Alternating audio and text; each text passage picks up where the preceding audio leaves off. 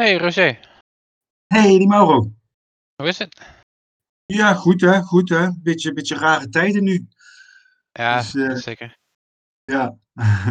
Maar gelukkig hebben wij de tijd genomen om een eh, lekkere verbouwing te gaan doen. Want eh, ja, anders zit je ook maar zo stil hè. Ja, slim.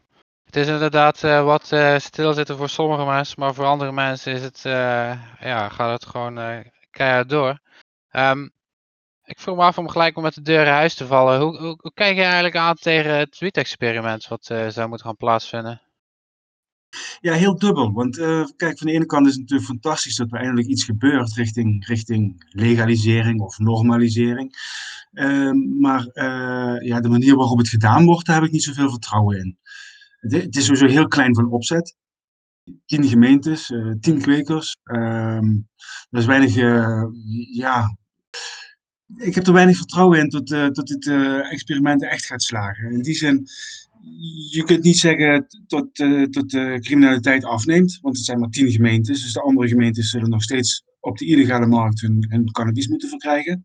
Mhm. En ehm, wat er nou daadwerkelijk uit die proef moet gaan komen, ja, dat, dat, dat, dat weet ik niet zo goed. Eh, ik hoop meer op een eh, veel groter verdeeld eh, speelveld. Dat er uiteindelijk gewoon veel meer mensen wiet mogen kweken. En dan hebben we het niet alleen over wiet kweken voor, voor coffeeshops of voor, voor dealers of voor export of ik veel wat.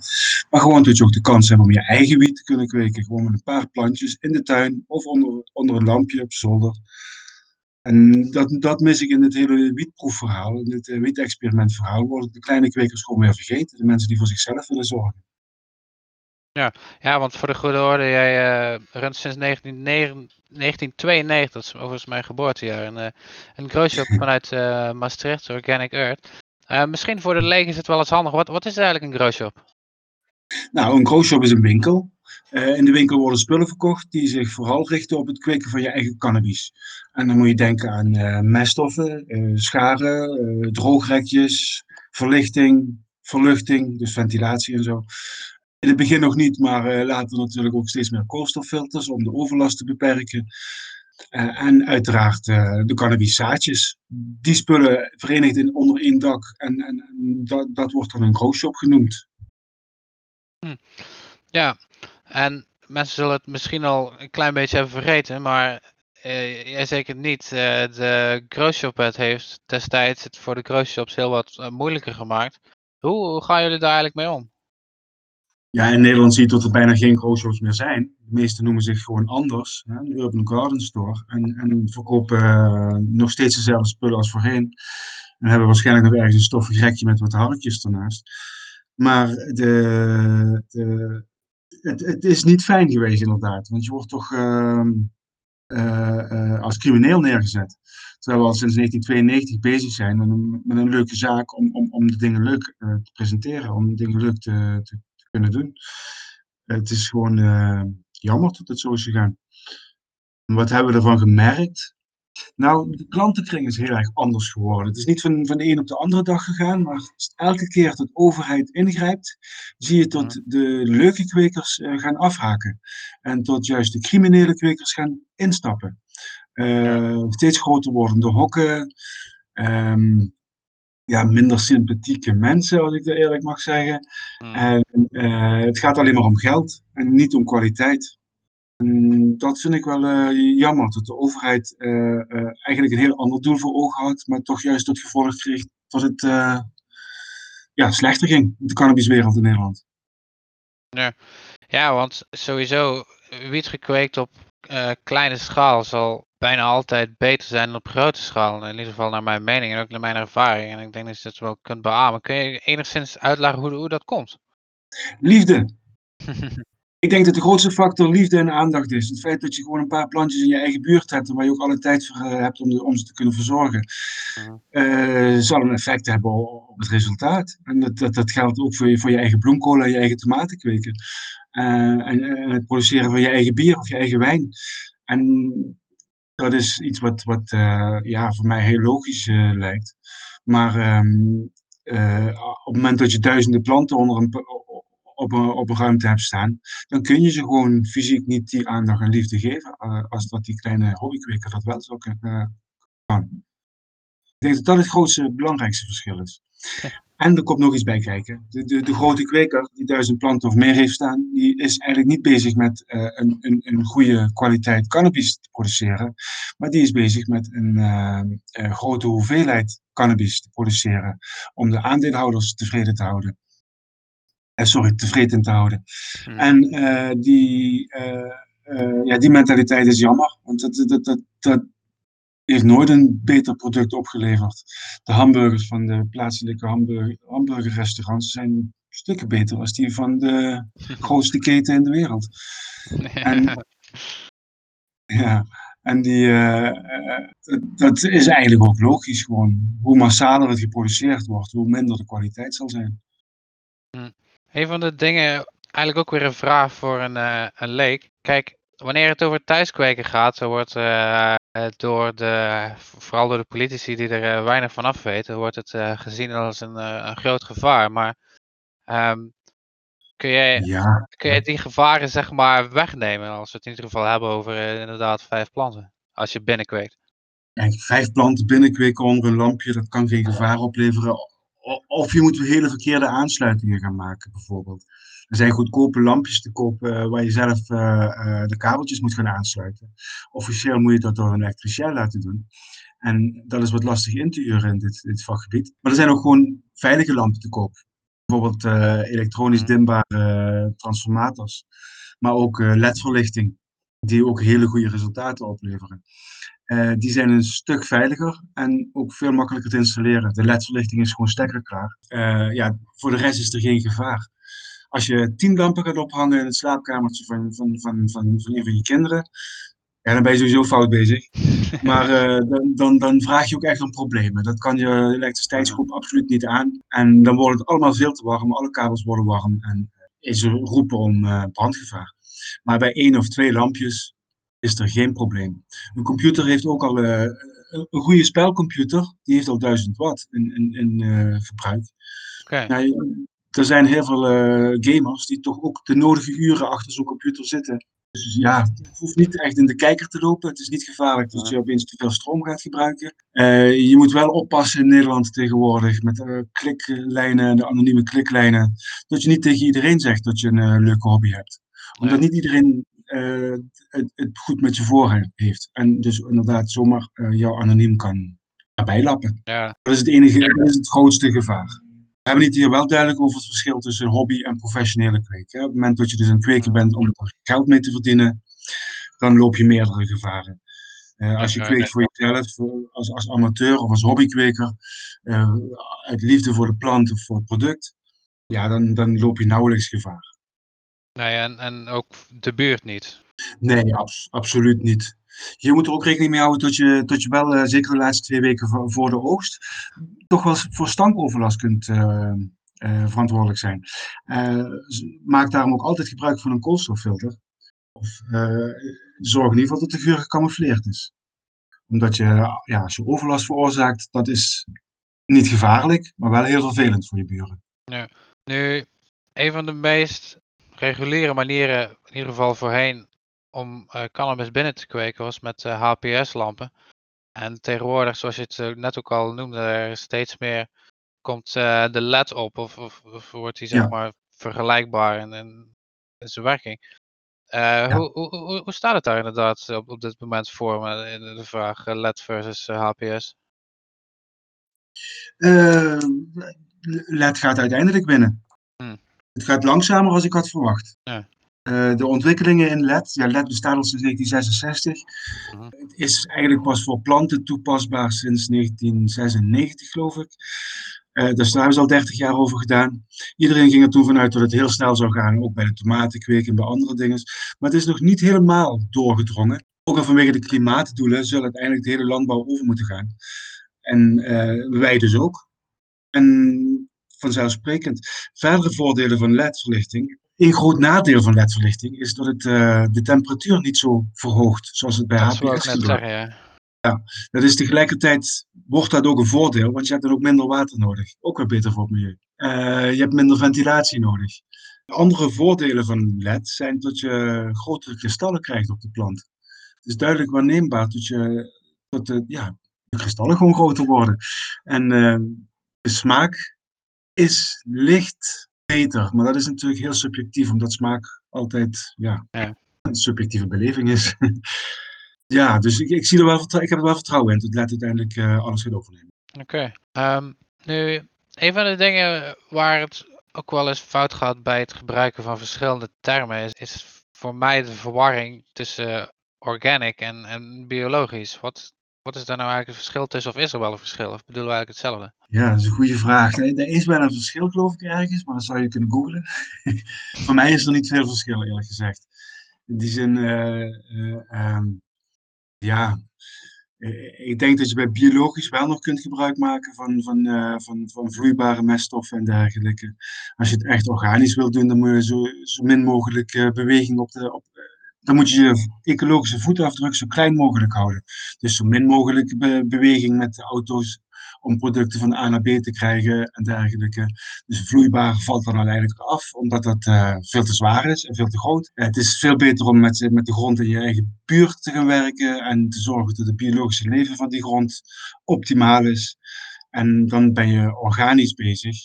Eh, je kunt ook met een slechte potgrond van de supermarkt met busymulsen gaan werken, dan ben je wel biologisch bezig, maar of het nou echt helemaal organisch is, het proces wat in de grond plaatsvindt bij de wortels, is ja, door die grond al eigenlijk bij de eerste stap al niet meer organisch te noemen. En daarmee heeft dat ook effect op het eindproduct. Dus ik zou altijd gaan voor organisch, niet per se biologisch. Kijk, dat is nou een, mooie heldere uitleg eh, waar ik eh, zelf ook wel mee kan. En ik denk eh luisteraars ook wel. Ehm, waar misschien een brugje naar ehm, ja, de vraag die ik ook al in het voorgesprek eh, wilde stellen over of, dat dit überhaupt wel mogelijk is in de wietproef. Dat, dat idee kwam eigenlijk vandaan van dat ze onder de huidige regulering in, in Californië, als ze binnen willen kweken, maar ook, volgens mij ook Canada, dat ze eh, niet op een organische manier te werk kunnen gaan. Omdat er dan testresultaten zouden er te veel ja, bacteriën nog eh, gevonden kunnen worden. Uiteraard gezonde bacteriën, maar ja, dat, dat zou het blijkbaar onmogelijk maken om ook in, in het huidige wiet-experiment ehm, ja, organisch te werk kunnen gaan. Ja, wat ik altijd heb begrepen is dat bijvoorbeeld Amerikanen, op het moment dat ze in Europa komen, eh, van onze keuken heel vaak ziek worden. Net zoals wij Europeanen, zodra we naar Azië gaan, ook heel vaak ziek worden. Omdat er bepaalde Ja. bacteriën in het eten zitten die wij niet zo goed kunnen verdragen of ons maagje iets te gevoelig voor is. Ehm, ja, dat creëren we ook die wereld. Hè? De kazen die er in Amerika verkrijgbaar zijn, eh, Mhm. dat, dat moet ook allemaal voldoen aan bepaalde normen. En, en, en eh, ja, de Europese normen worden ook steeds strikter en strenger. Eh, Franse kaasjes die niet meer geëxporteerd mogen worden, omdat het ook niet aan de Europese normen voldoet. We, we worden steeds klinischer en, en zuiverder. Ja, en dan worden we ook wat makkelijker aangevallen door virussen. Eh, ik weet niet of dat een goede ontwikkeling is. Ik, ik weet niet of die normen die er dan inderdaad in Amerika gelden, of dat een, eh, iets is waar we als kweker blij mee moeten zijn. Misschien ook wel. Kunnen we zeggen van oké, het algemene product wat voor iedereen beschikbaar is, is heel klinisch en door, eh, voor mijn part door een gloorbad heen gegaan, net zoals de hamburgers van die keten waar ik het straks over had. En de, de, de, de mensen die iets organisch willen hebben, die kunnen het beter zelf gaan maken. Net zoals als je echt zeker wilt weten dat je tomaten een lekkere smaak hebben, kun je ze beter zelf gaan maken. Ja. En die mogelijkheid moet dan wel ook gema- gedaan worden. Dus Ja, wa- wa- wat zouden dan ook de, de consequenties zijn voor de kwaliteit van de wiet als het niet organisch zou mogen in het wiet-experiment?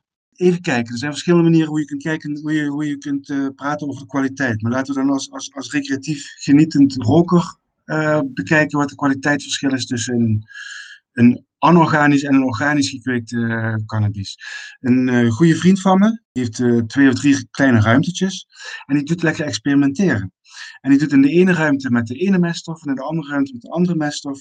En op een gegeven moment had hij, wat was het nou, een, een, een blood orange tangy gekweekt. En de ene had hij gemaakt met, ja, ik wil de namen niet noemen, dat vind ik dan een beetje vervelend.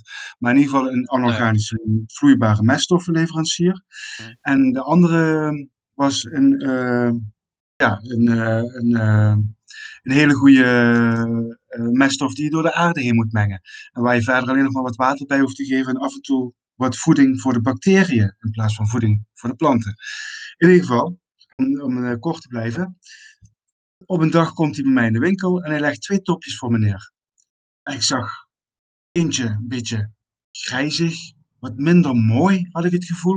En de andere was prachtig, prachtig, net een fotootje, glinsterde van alle kanten. Dat is echt mooi, dus ik pak de mooiste eigenlijk voor mijn idee op en ik ruik er eens aan. En ik denk, mooi, lekker, best goed gelukt. Dat was de soort die gekweekt was met uh, uh, niet-organische vloeibare meststoffen. En toen pakte ik het andere topje op. En op het moment dat ik hem vastpakte, kwam er een geur vrij. Het was absurd lekker. Uh, uiteindelijk bij het roken was ook duidelijk welke de lekkerste was. Het was de organisch gekweekte uiteraard. Uh, die had ook een veel frissere smaak, frisser effect. De ogen gingen ervan open.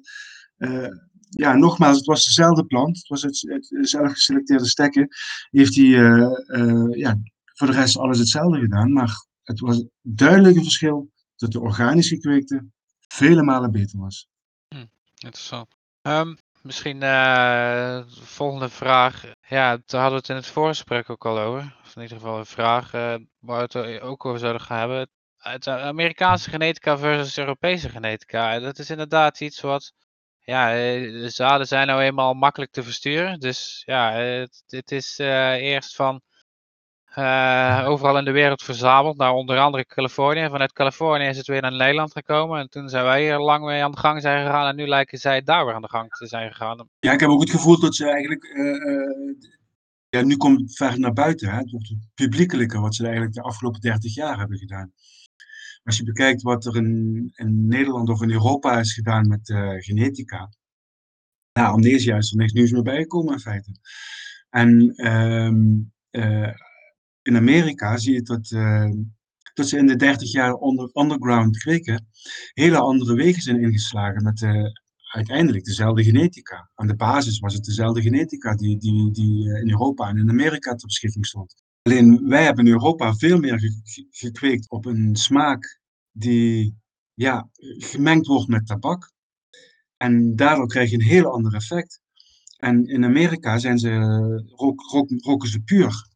En door het puur roken krijg je een eh, andere selectieprocedure. Je gaat op een andere manier uh, beoordelen.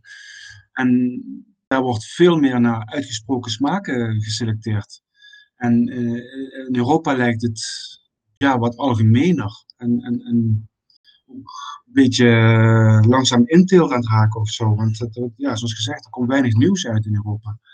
Gelukkig zijn er wel steeds meer ook Europese kwekers, Europese breeders die ook bezig zijn met die Amerikaanse genetica. Om dat toch ook weer te kruisen met, met de oude genetica.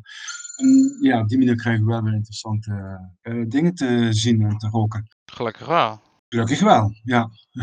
ja. maar ik zag het de laatste jaren een beetje somber in, moet ik eerlijk zeggen, hier in Nederland.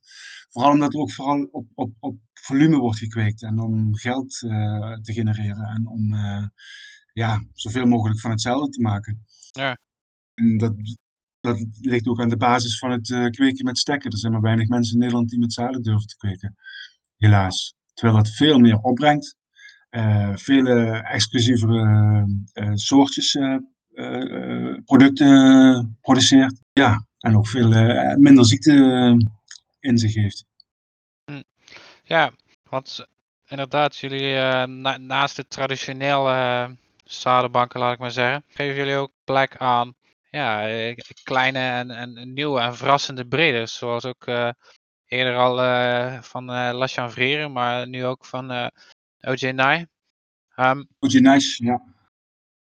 Ja, en um, Pacific OG. wat zeg ik nou? Pacifist OG. Oh ja. Dat is ook een re regionale breeder. Die heeft ook hele aparte soortjes weten te maken zijn, uh, ja, dat, dat, is de toekomst. Hè? Want uh, het is helaas niet zo heel gemakkelijk om steeds zaad uit Amerika te verkrijgen. Nee. Uh, de, de, legaliteit is ook nog steeds in vraag.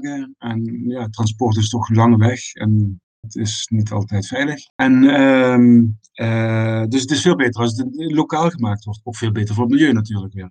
Ja, dus vandaar dat we gekozen hebben om ook lokale breeders of, of regionale breeders in ons assortiment op te nemen. Ben je ook niet uh, op een bepaalde manier, tenminste dat ben ik zelf, dus ik vraag eigenlijk of dat je het kunt bevestigen, bang voor het, het verwateren van genetica? Want dat is af en toe wel wat ik zie, wanneer er weer een, ja zeker een grote datenbank eh, een van hun soortjes kruist met de Skittles om het daarna weer verder te verkopen. Kijk, het is nooit net zo goed of als het al überhaupt originele Skittles was in, in dit geval. Nee, dat klopt. Dat, dat, eh, ja. Ja, ja, dat is gewoon zo. Dat is waar. En dan hoop je maar dat er mensen zijn die die originele genetica proberen vast te houden en daar, eh, dat proberen door te kruisen en, en, en, en eh, te recreëren. Ehm, ja, soms lukt dat, soms lukt dat niet. Het echt vasthouden van genetica is volgens mij niet zo gemakkelijk, omdat het gewoon eenjarige plantjes zijn. En bij wijnstruiken weet je in ieder geval dat je dan een aantal jaren dezelfde struiken hebt. Ja, ik, ik denk dat, uh, dat we anders moeten gaan kijken naar het uh, product cannabis. En dat het uh, straks interessant is als inderdaad een, dat je een, een, diesel hebt uit het jaar 1992, maar ook een diesel hebt uit het jaar 2016. En um, ja, dat de bewaartechnieken gewoon moeten verbeterd worden.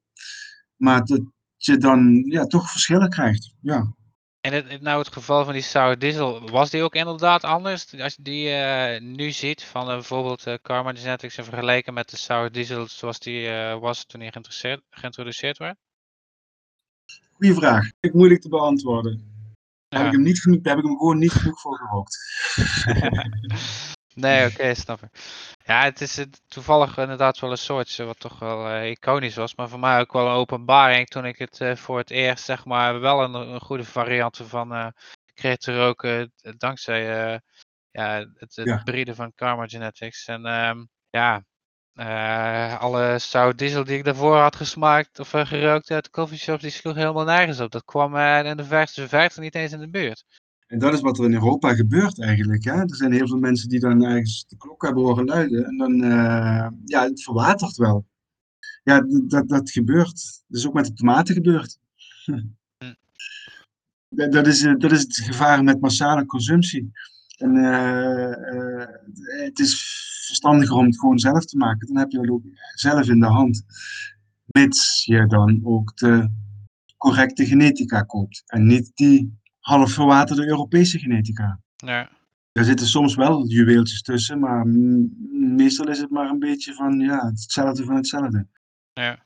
En dan plakken ze er een naam op, wat dan fancy klinkt.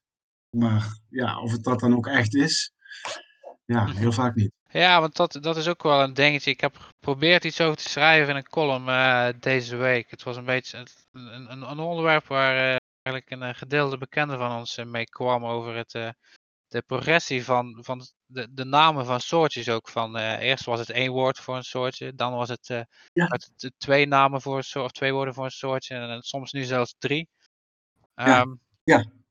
Het, het, is ook sowieso iets, iets raars om op een gegeven moment een naam aan een, aan een, een soortje te geven, maar het, ja, je, je, je kunt die niet ja, uh, genetisch vastleggen. Dus ja, uh, what's in a name really? Hoe... Ja, ik vind, ik vind, het leuk om ze een naam te geven van het effect wat ze geven.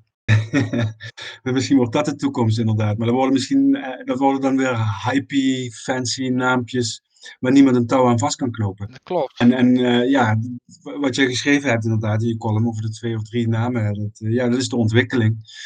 Um, ja, ja, het is een half halve poging om, om inderdaad die genetica-lijn, die genetische lijn vast te kunnen houden. Om eerlijk te kunnen zijn over wat, waar het vandaan komt. Ja.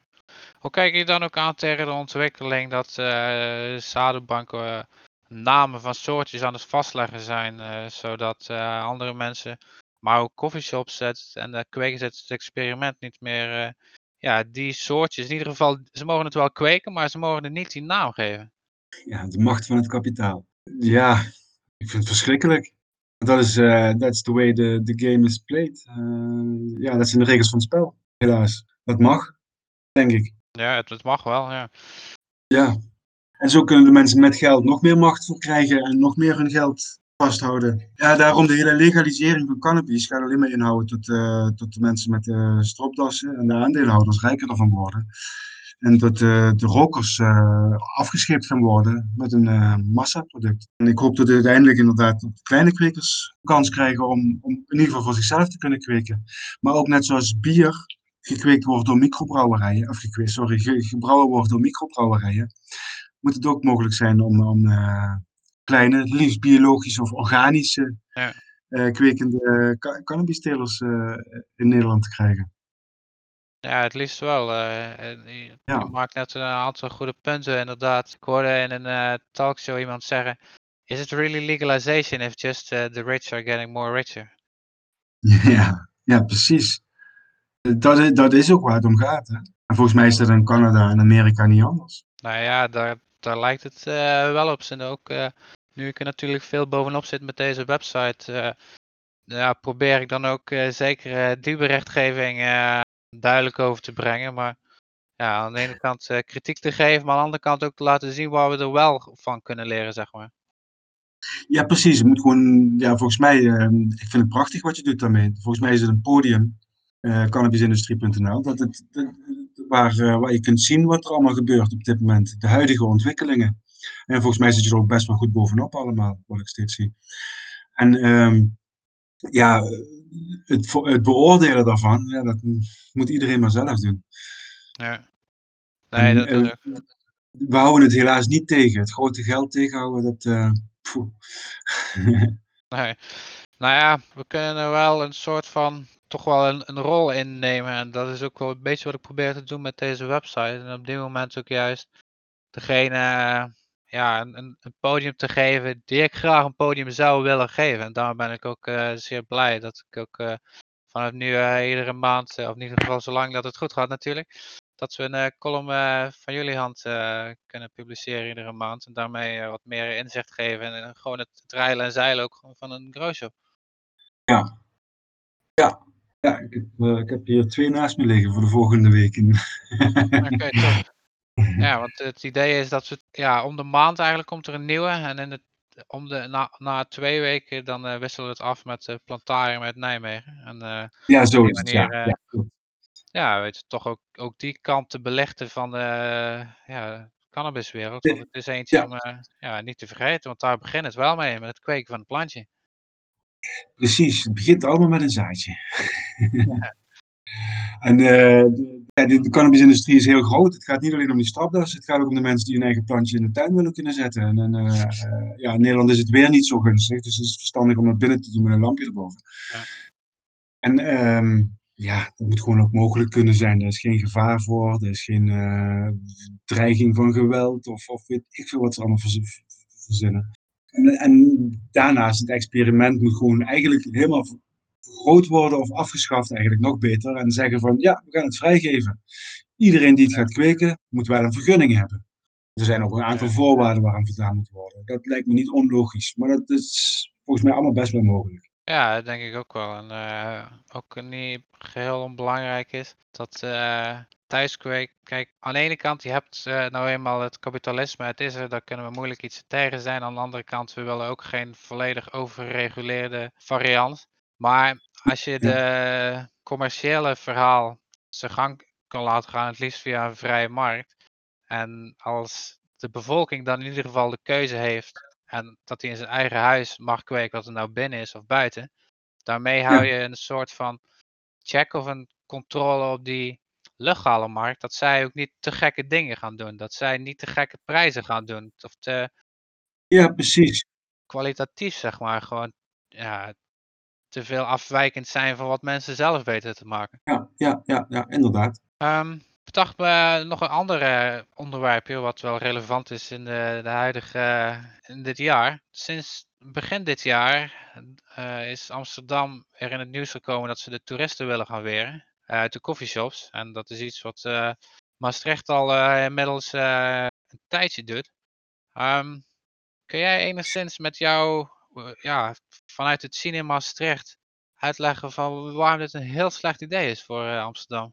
Nou, het is eh, een ontzettend dom en bekrompen idee, omdat het heel kinderachtig is. Als je bedenkt dat, eh, even puur naar het Amsterdamse probleem, dat overlast veroorzaakt wordt door dronken mensen. Ik kan me niet voorstellen dat er iemand vanuit de koffieshop lallend de gracht in loopt. En wat het überhaupt met een koffieshop te maken heeft. Maar het is waarschijnlijk iets te lastig, maar het, eigenlijk het enige juiste om te doen. Dat is dat elke kroeg eigenaar en barmedewerker in Amsterdam. En iedereen zal moeten vragen of die uit Amsterdam komt of uit Nederland komt. En als dat niet zo is, geen alcohol schenken. Kan siroop of een fristie drinken. Kom op zeg. dat, dat, dat, dat lallende, brallende, dronkenmans en bruiloft-vierende, idiote, vrijgezellenfeestende mafkezen, het liefst nog op een bierfiets, ja, dump ze maar allemaal in de gracht. die, die horen niet in Amsterdam of in Nederland of waar dan ook thuis. Ja. En, en uh, uh, tot er wel eens een keer een uit was is ergens, maar om daar nou de koffieshop zijn schuld van te geven, dat vind ik heel erg kinderachtig. Heel, heel erg onvolwassen van een GroenLinks burgemeester. Schandalig. Overlast moeten ze gewoon aanpakken. Maar terug naar Maastricht, in feite hetzelfde. Inderdaad, er was, er was parkeeroverlast. Waren gewoon te veel uh, parkeerplekken bezet door uh, buitenlanders die hier naartoe kwamen om uh, een gezellig middagje in de koffieshop te kunnen hangen. En in tegenstelling tot de Engelsen die met het vliegtuig komen, komen deze mensen allemaal met de auto. En die gaan niet drinken. Want dan wordt het gevaarlijk om te gaan rijden. En dus gaan ze inderdaad in de koffieshop een jointje roken en gaan ze weer terug naar huis. En ja, die mensen zijn we nou kwijt in deze stad, helaas. Uh, je had vroeger nog het gevoel dat Maastricht een internationale stad was, maar het is nu weer terug naar een uh, klein dorp gedegradeerd. dus ja, ik, ik zou Amsterdam zeker niet aanraden om dat door te zetten, dat verbod voor buitenlanders. Ja, nou, uiteraard was het, is het hele criterium een, een, een slecht plan, maar een van de vreemde ja, soort van toch wel positieve consequenties eraan is, dat kun je ook ontkrachten als, als het niet zo is, is volgens mij wel dat in Maastricht de coffeeshops kwalitatief van de wiet zelf wel erop vooruit gegaan. Omdat ze niet meer aan al die uh, Belgen en Duitsers uh, iedere keer 5 gram verkopen. En zo dat whatever dat lekker is en op de kaart staat. Dat dat ook ja, dan is het grote nadeel inderdaad. Als je, als je goed lopende shop hebt met 25 man personeel en er is geen, geen goede kwaliteit beschikbaar. Ja, er is hier in Maastricht regelmatig gekozen voor een uh, slechtere kwaliteit te verkopen. Om inderdaad dan toch aan de, uh, ja, om de financiële lasten te kunnen dragen. dat, dat is jammer. Nu, nu is het voordeel inderdaad, precies wat je zegt. De kwaliteiten in de shops zijn al stukken vooruit gegaan.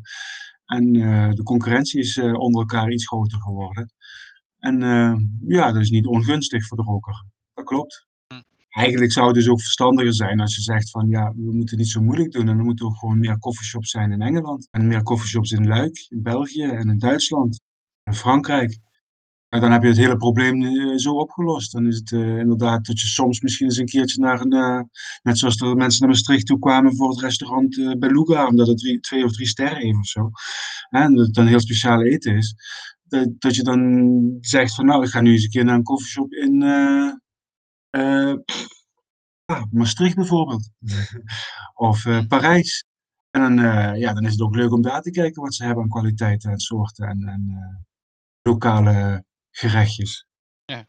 Ik las in je column ook zelfs dat uh, Fred Teven gewoon doodleuk een keer uh, bij jullie in de winkel is geweest. Uh, de man van de... Die hebben we toen de tijd uitgenodigd. Hij was toen de tijd nog ehm, de, de, um, lid van de Tweede Kamer. Um, en toen... En hij was toen de woordvoerder namens de VVD voor de, voor de drugsportefeuille.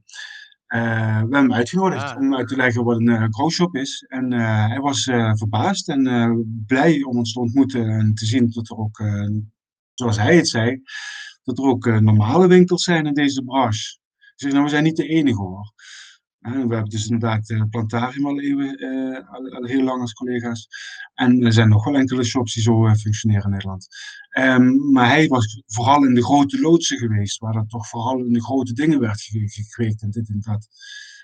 En we hebben hem proberen uit te leggen dat het overheidsbeleid daar mede verantwoordelijk voor is. Door steeds meer regels erop te leggen, zijn de kleine kwekers weggevallen en de grote kwekers juist uh, erin gestapt. Ja, helaas, helaas, is het uh, niet genoeg geweest om te voorkomen dat hij uh, de Grooshov-wet heeft tegengestemd. Maar hij was wel blij verrast om, om deze winkel te gezien, te hebben. Een ander iets interessants dat je column was, was dat ik las jullie Organic Press. Is, is dat jullie drukkerij? Of hoe? We hebben, we hebben zelfs inderdaad een drukkerij gehad, eventjes. Maar dat was een hele oude drukpers die we van iemand hebben overgenomen. En meer als flyertjes kwamen er niet uit. Okay. die er ook een beetje voor oorlogs uitzagen. maar het was in ieder geval leuk spelen. En uh, uh, we hebben met Organic Press hebben meerdere boeken uitgegeven in, uh, in verschillende talen. Onder andere uh, Sensimila, een vierkant oranje boekje. Ja, wat door Europa redelijk bekend is geworden.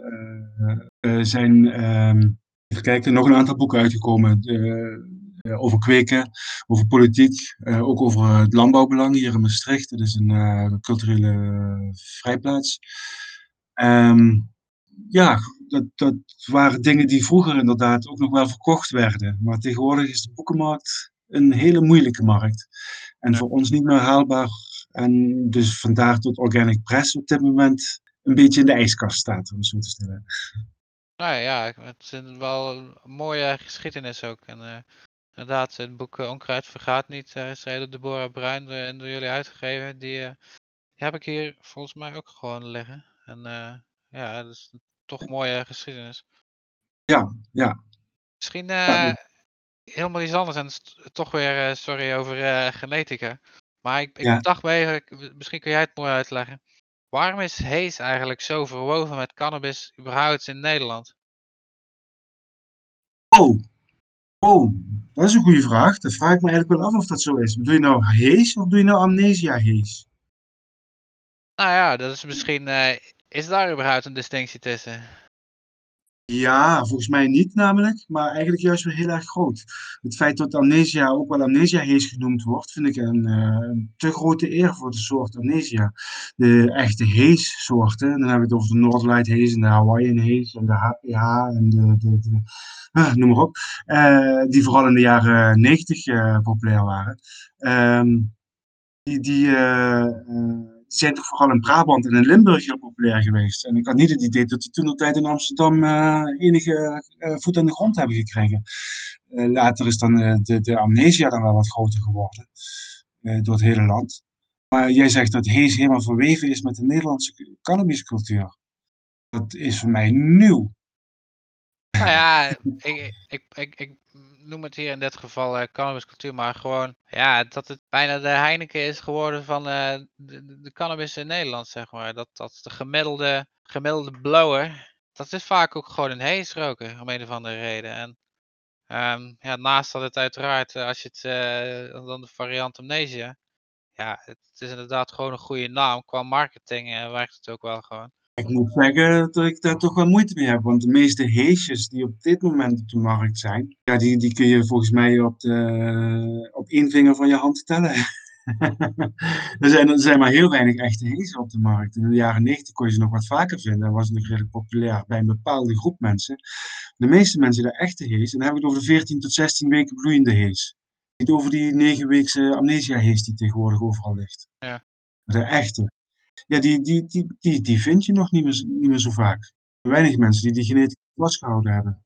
Nee, inderdaad. Dus in, uh, kopen mensen in een koffieshop Hees, is het uh, naar alle waarschijnlijkheid het amnesia en niet de echte Hees. Mm -hmm. En ik denk dat in amnesia misschien iets van 1 vierde Hees zit. Maar de, de, ja, nee, de echte Hees, ja, hoe, hoe beschrijf je iets wat zo lekker is? Wat zo'n brede smile op je gezicht achterlaat. Dus, uh, het, is, uh, het is trouwens ook best wel medicinaal. Het is uh, heel goed voor vrouwen tegen PMS. het is ja, geniaal. Het had veel populairder moeten zijn. Dat vind ik wel. Oh jezus. Ja, ik weet niet. nou, ik moet zeggen, kijk, het is niet zo dat ik er standaard tegen ben. Kijk, als iemand me een echte mooie thuisgekweekte hees geeft, dan hmm. Kijk, zal ik het wel oproken, maar ik, ik, de laatste keer dat ik hees heb in een koffieshop is heel lang geleden. En dat uh, ben ik ook niet uh, snel weer van plan. Ik moet zeggen, toen, toen de tijd, toen die, toen die in, in, mijn tijd, bla bla, uh, toen het zo populair dan was in de jaren negentig, was er een select groepje wat alleen maar die hees wilde roken. Maar de meeste mensen wilden het toch liever niet. Ook al vanwege het effect, dat het toch wel wat sterker is en wat, wat meer op hersenen werkt in plaats van het lichaam. Ehm, maar ook vanwege de uh, smaak en vanwege de prijs.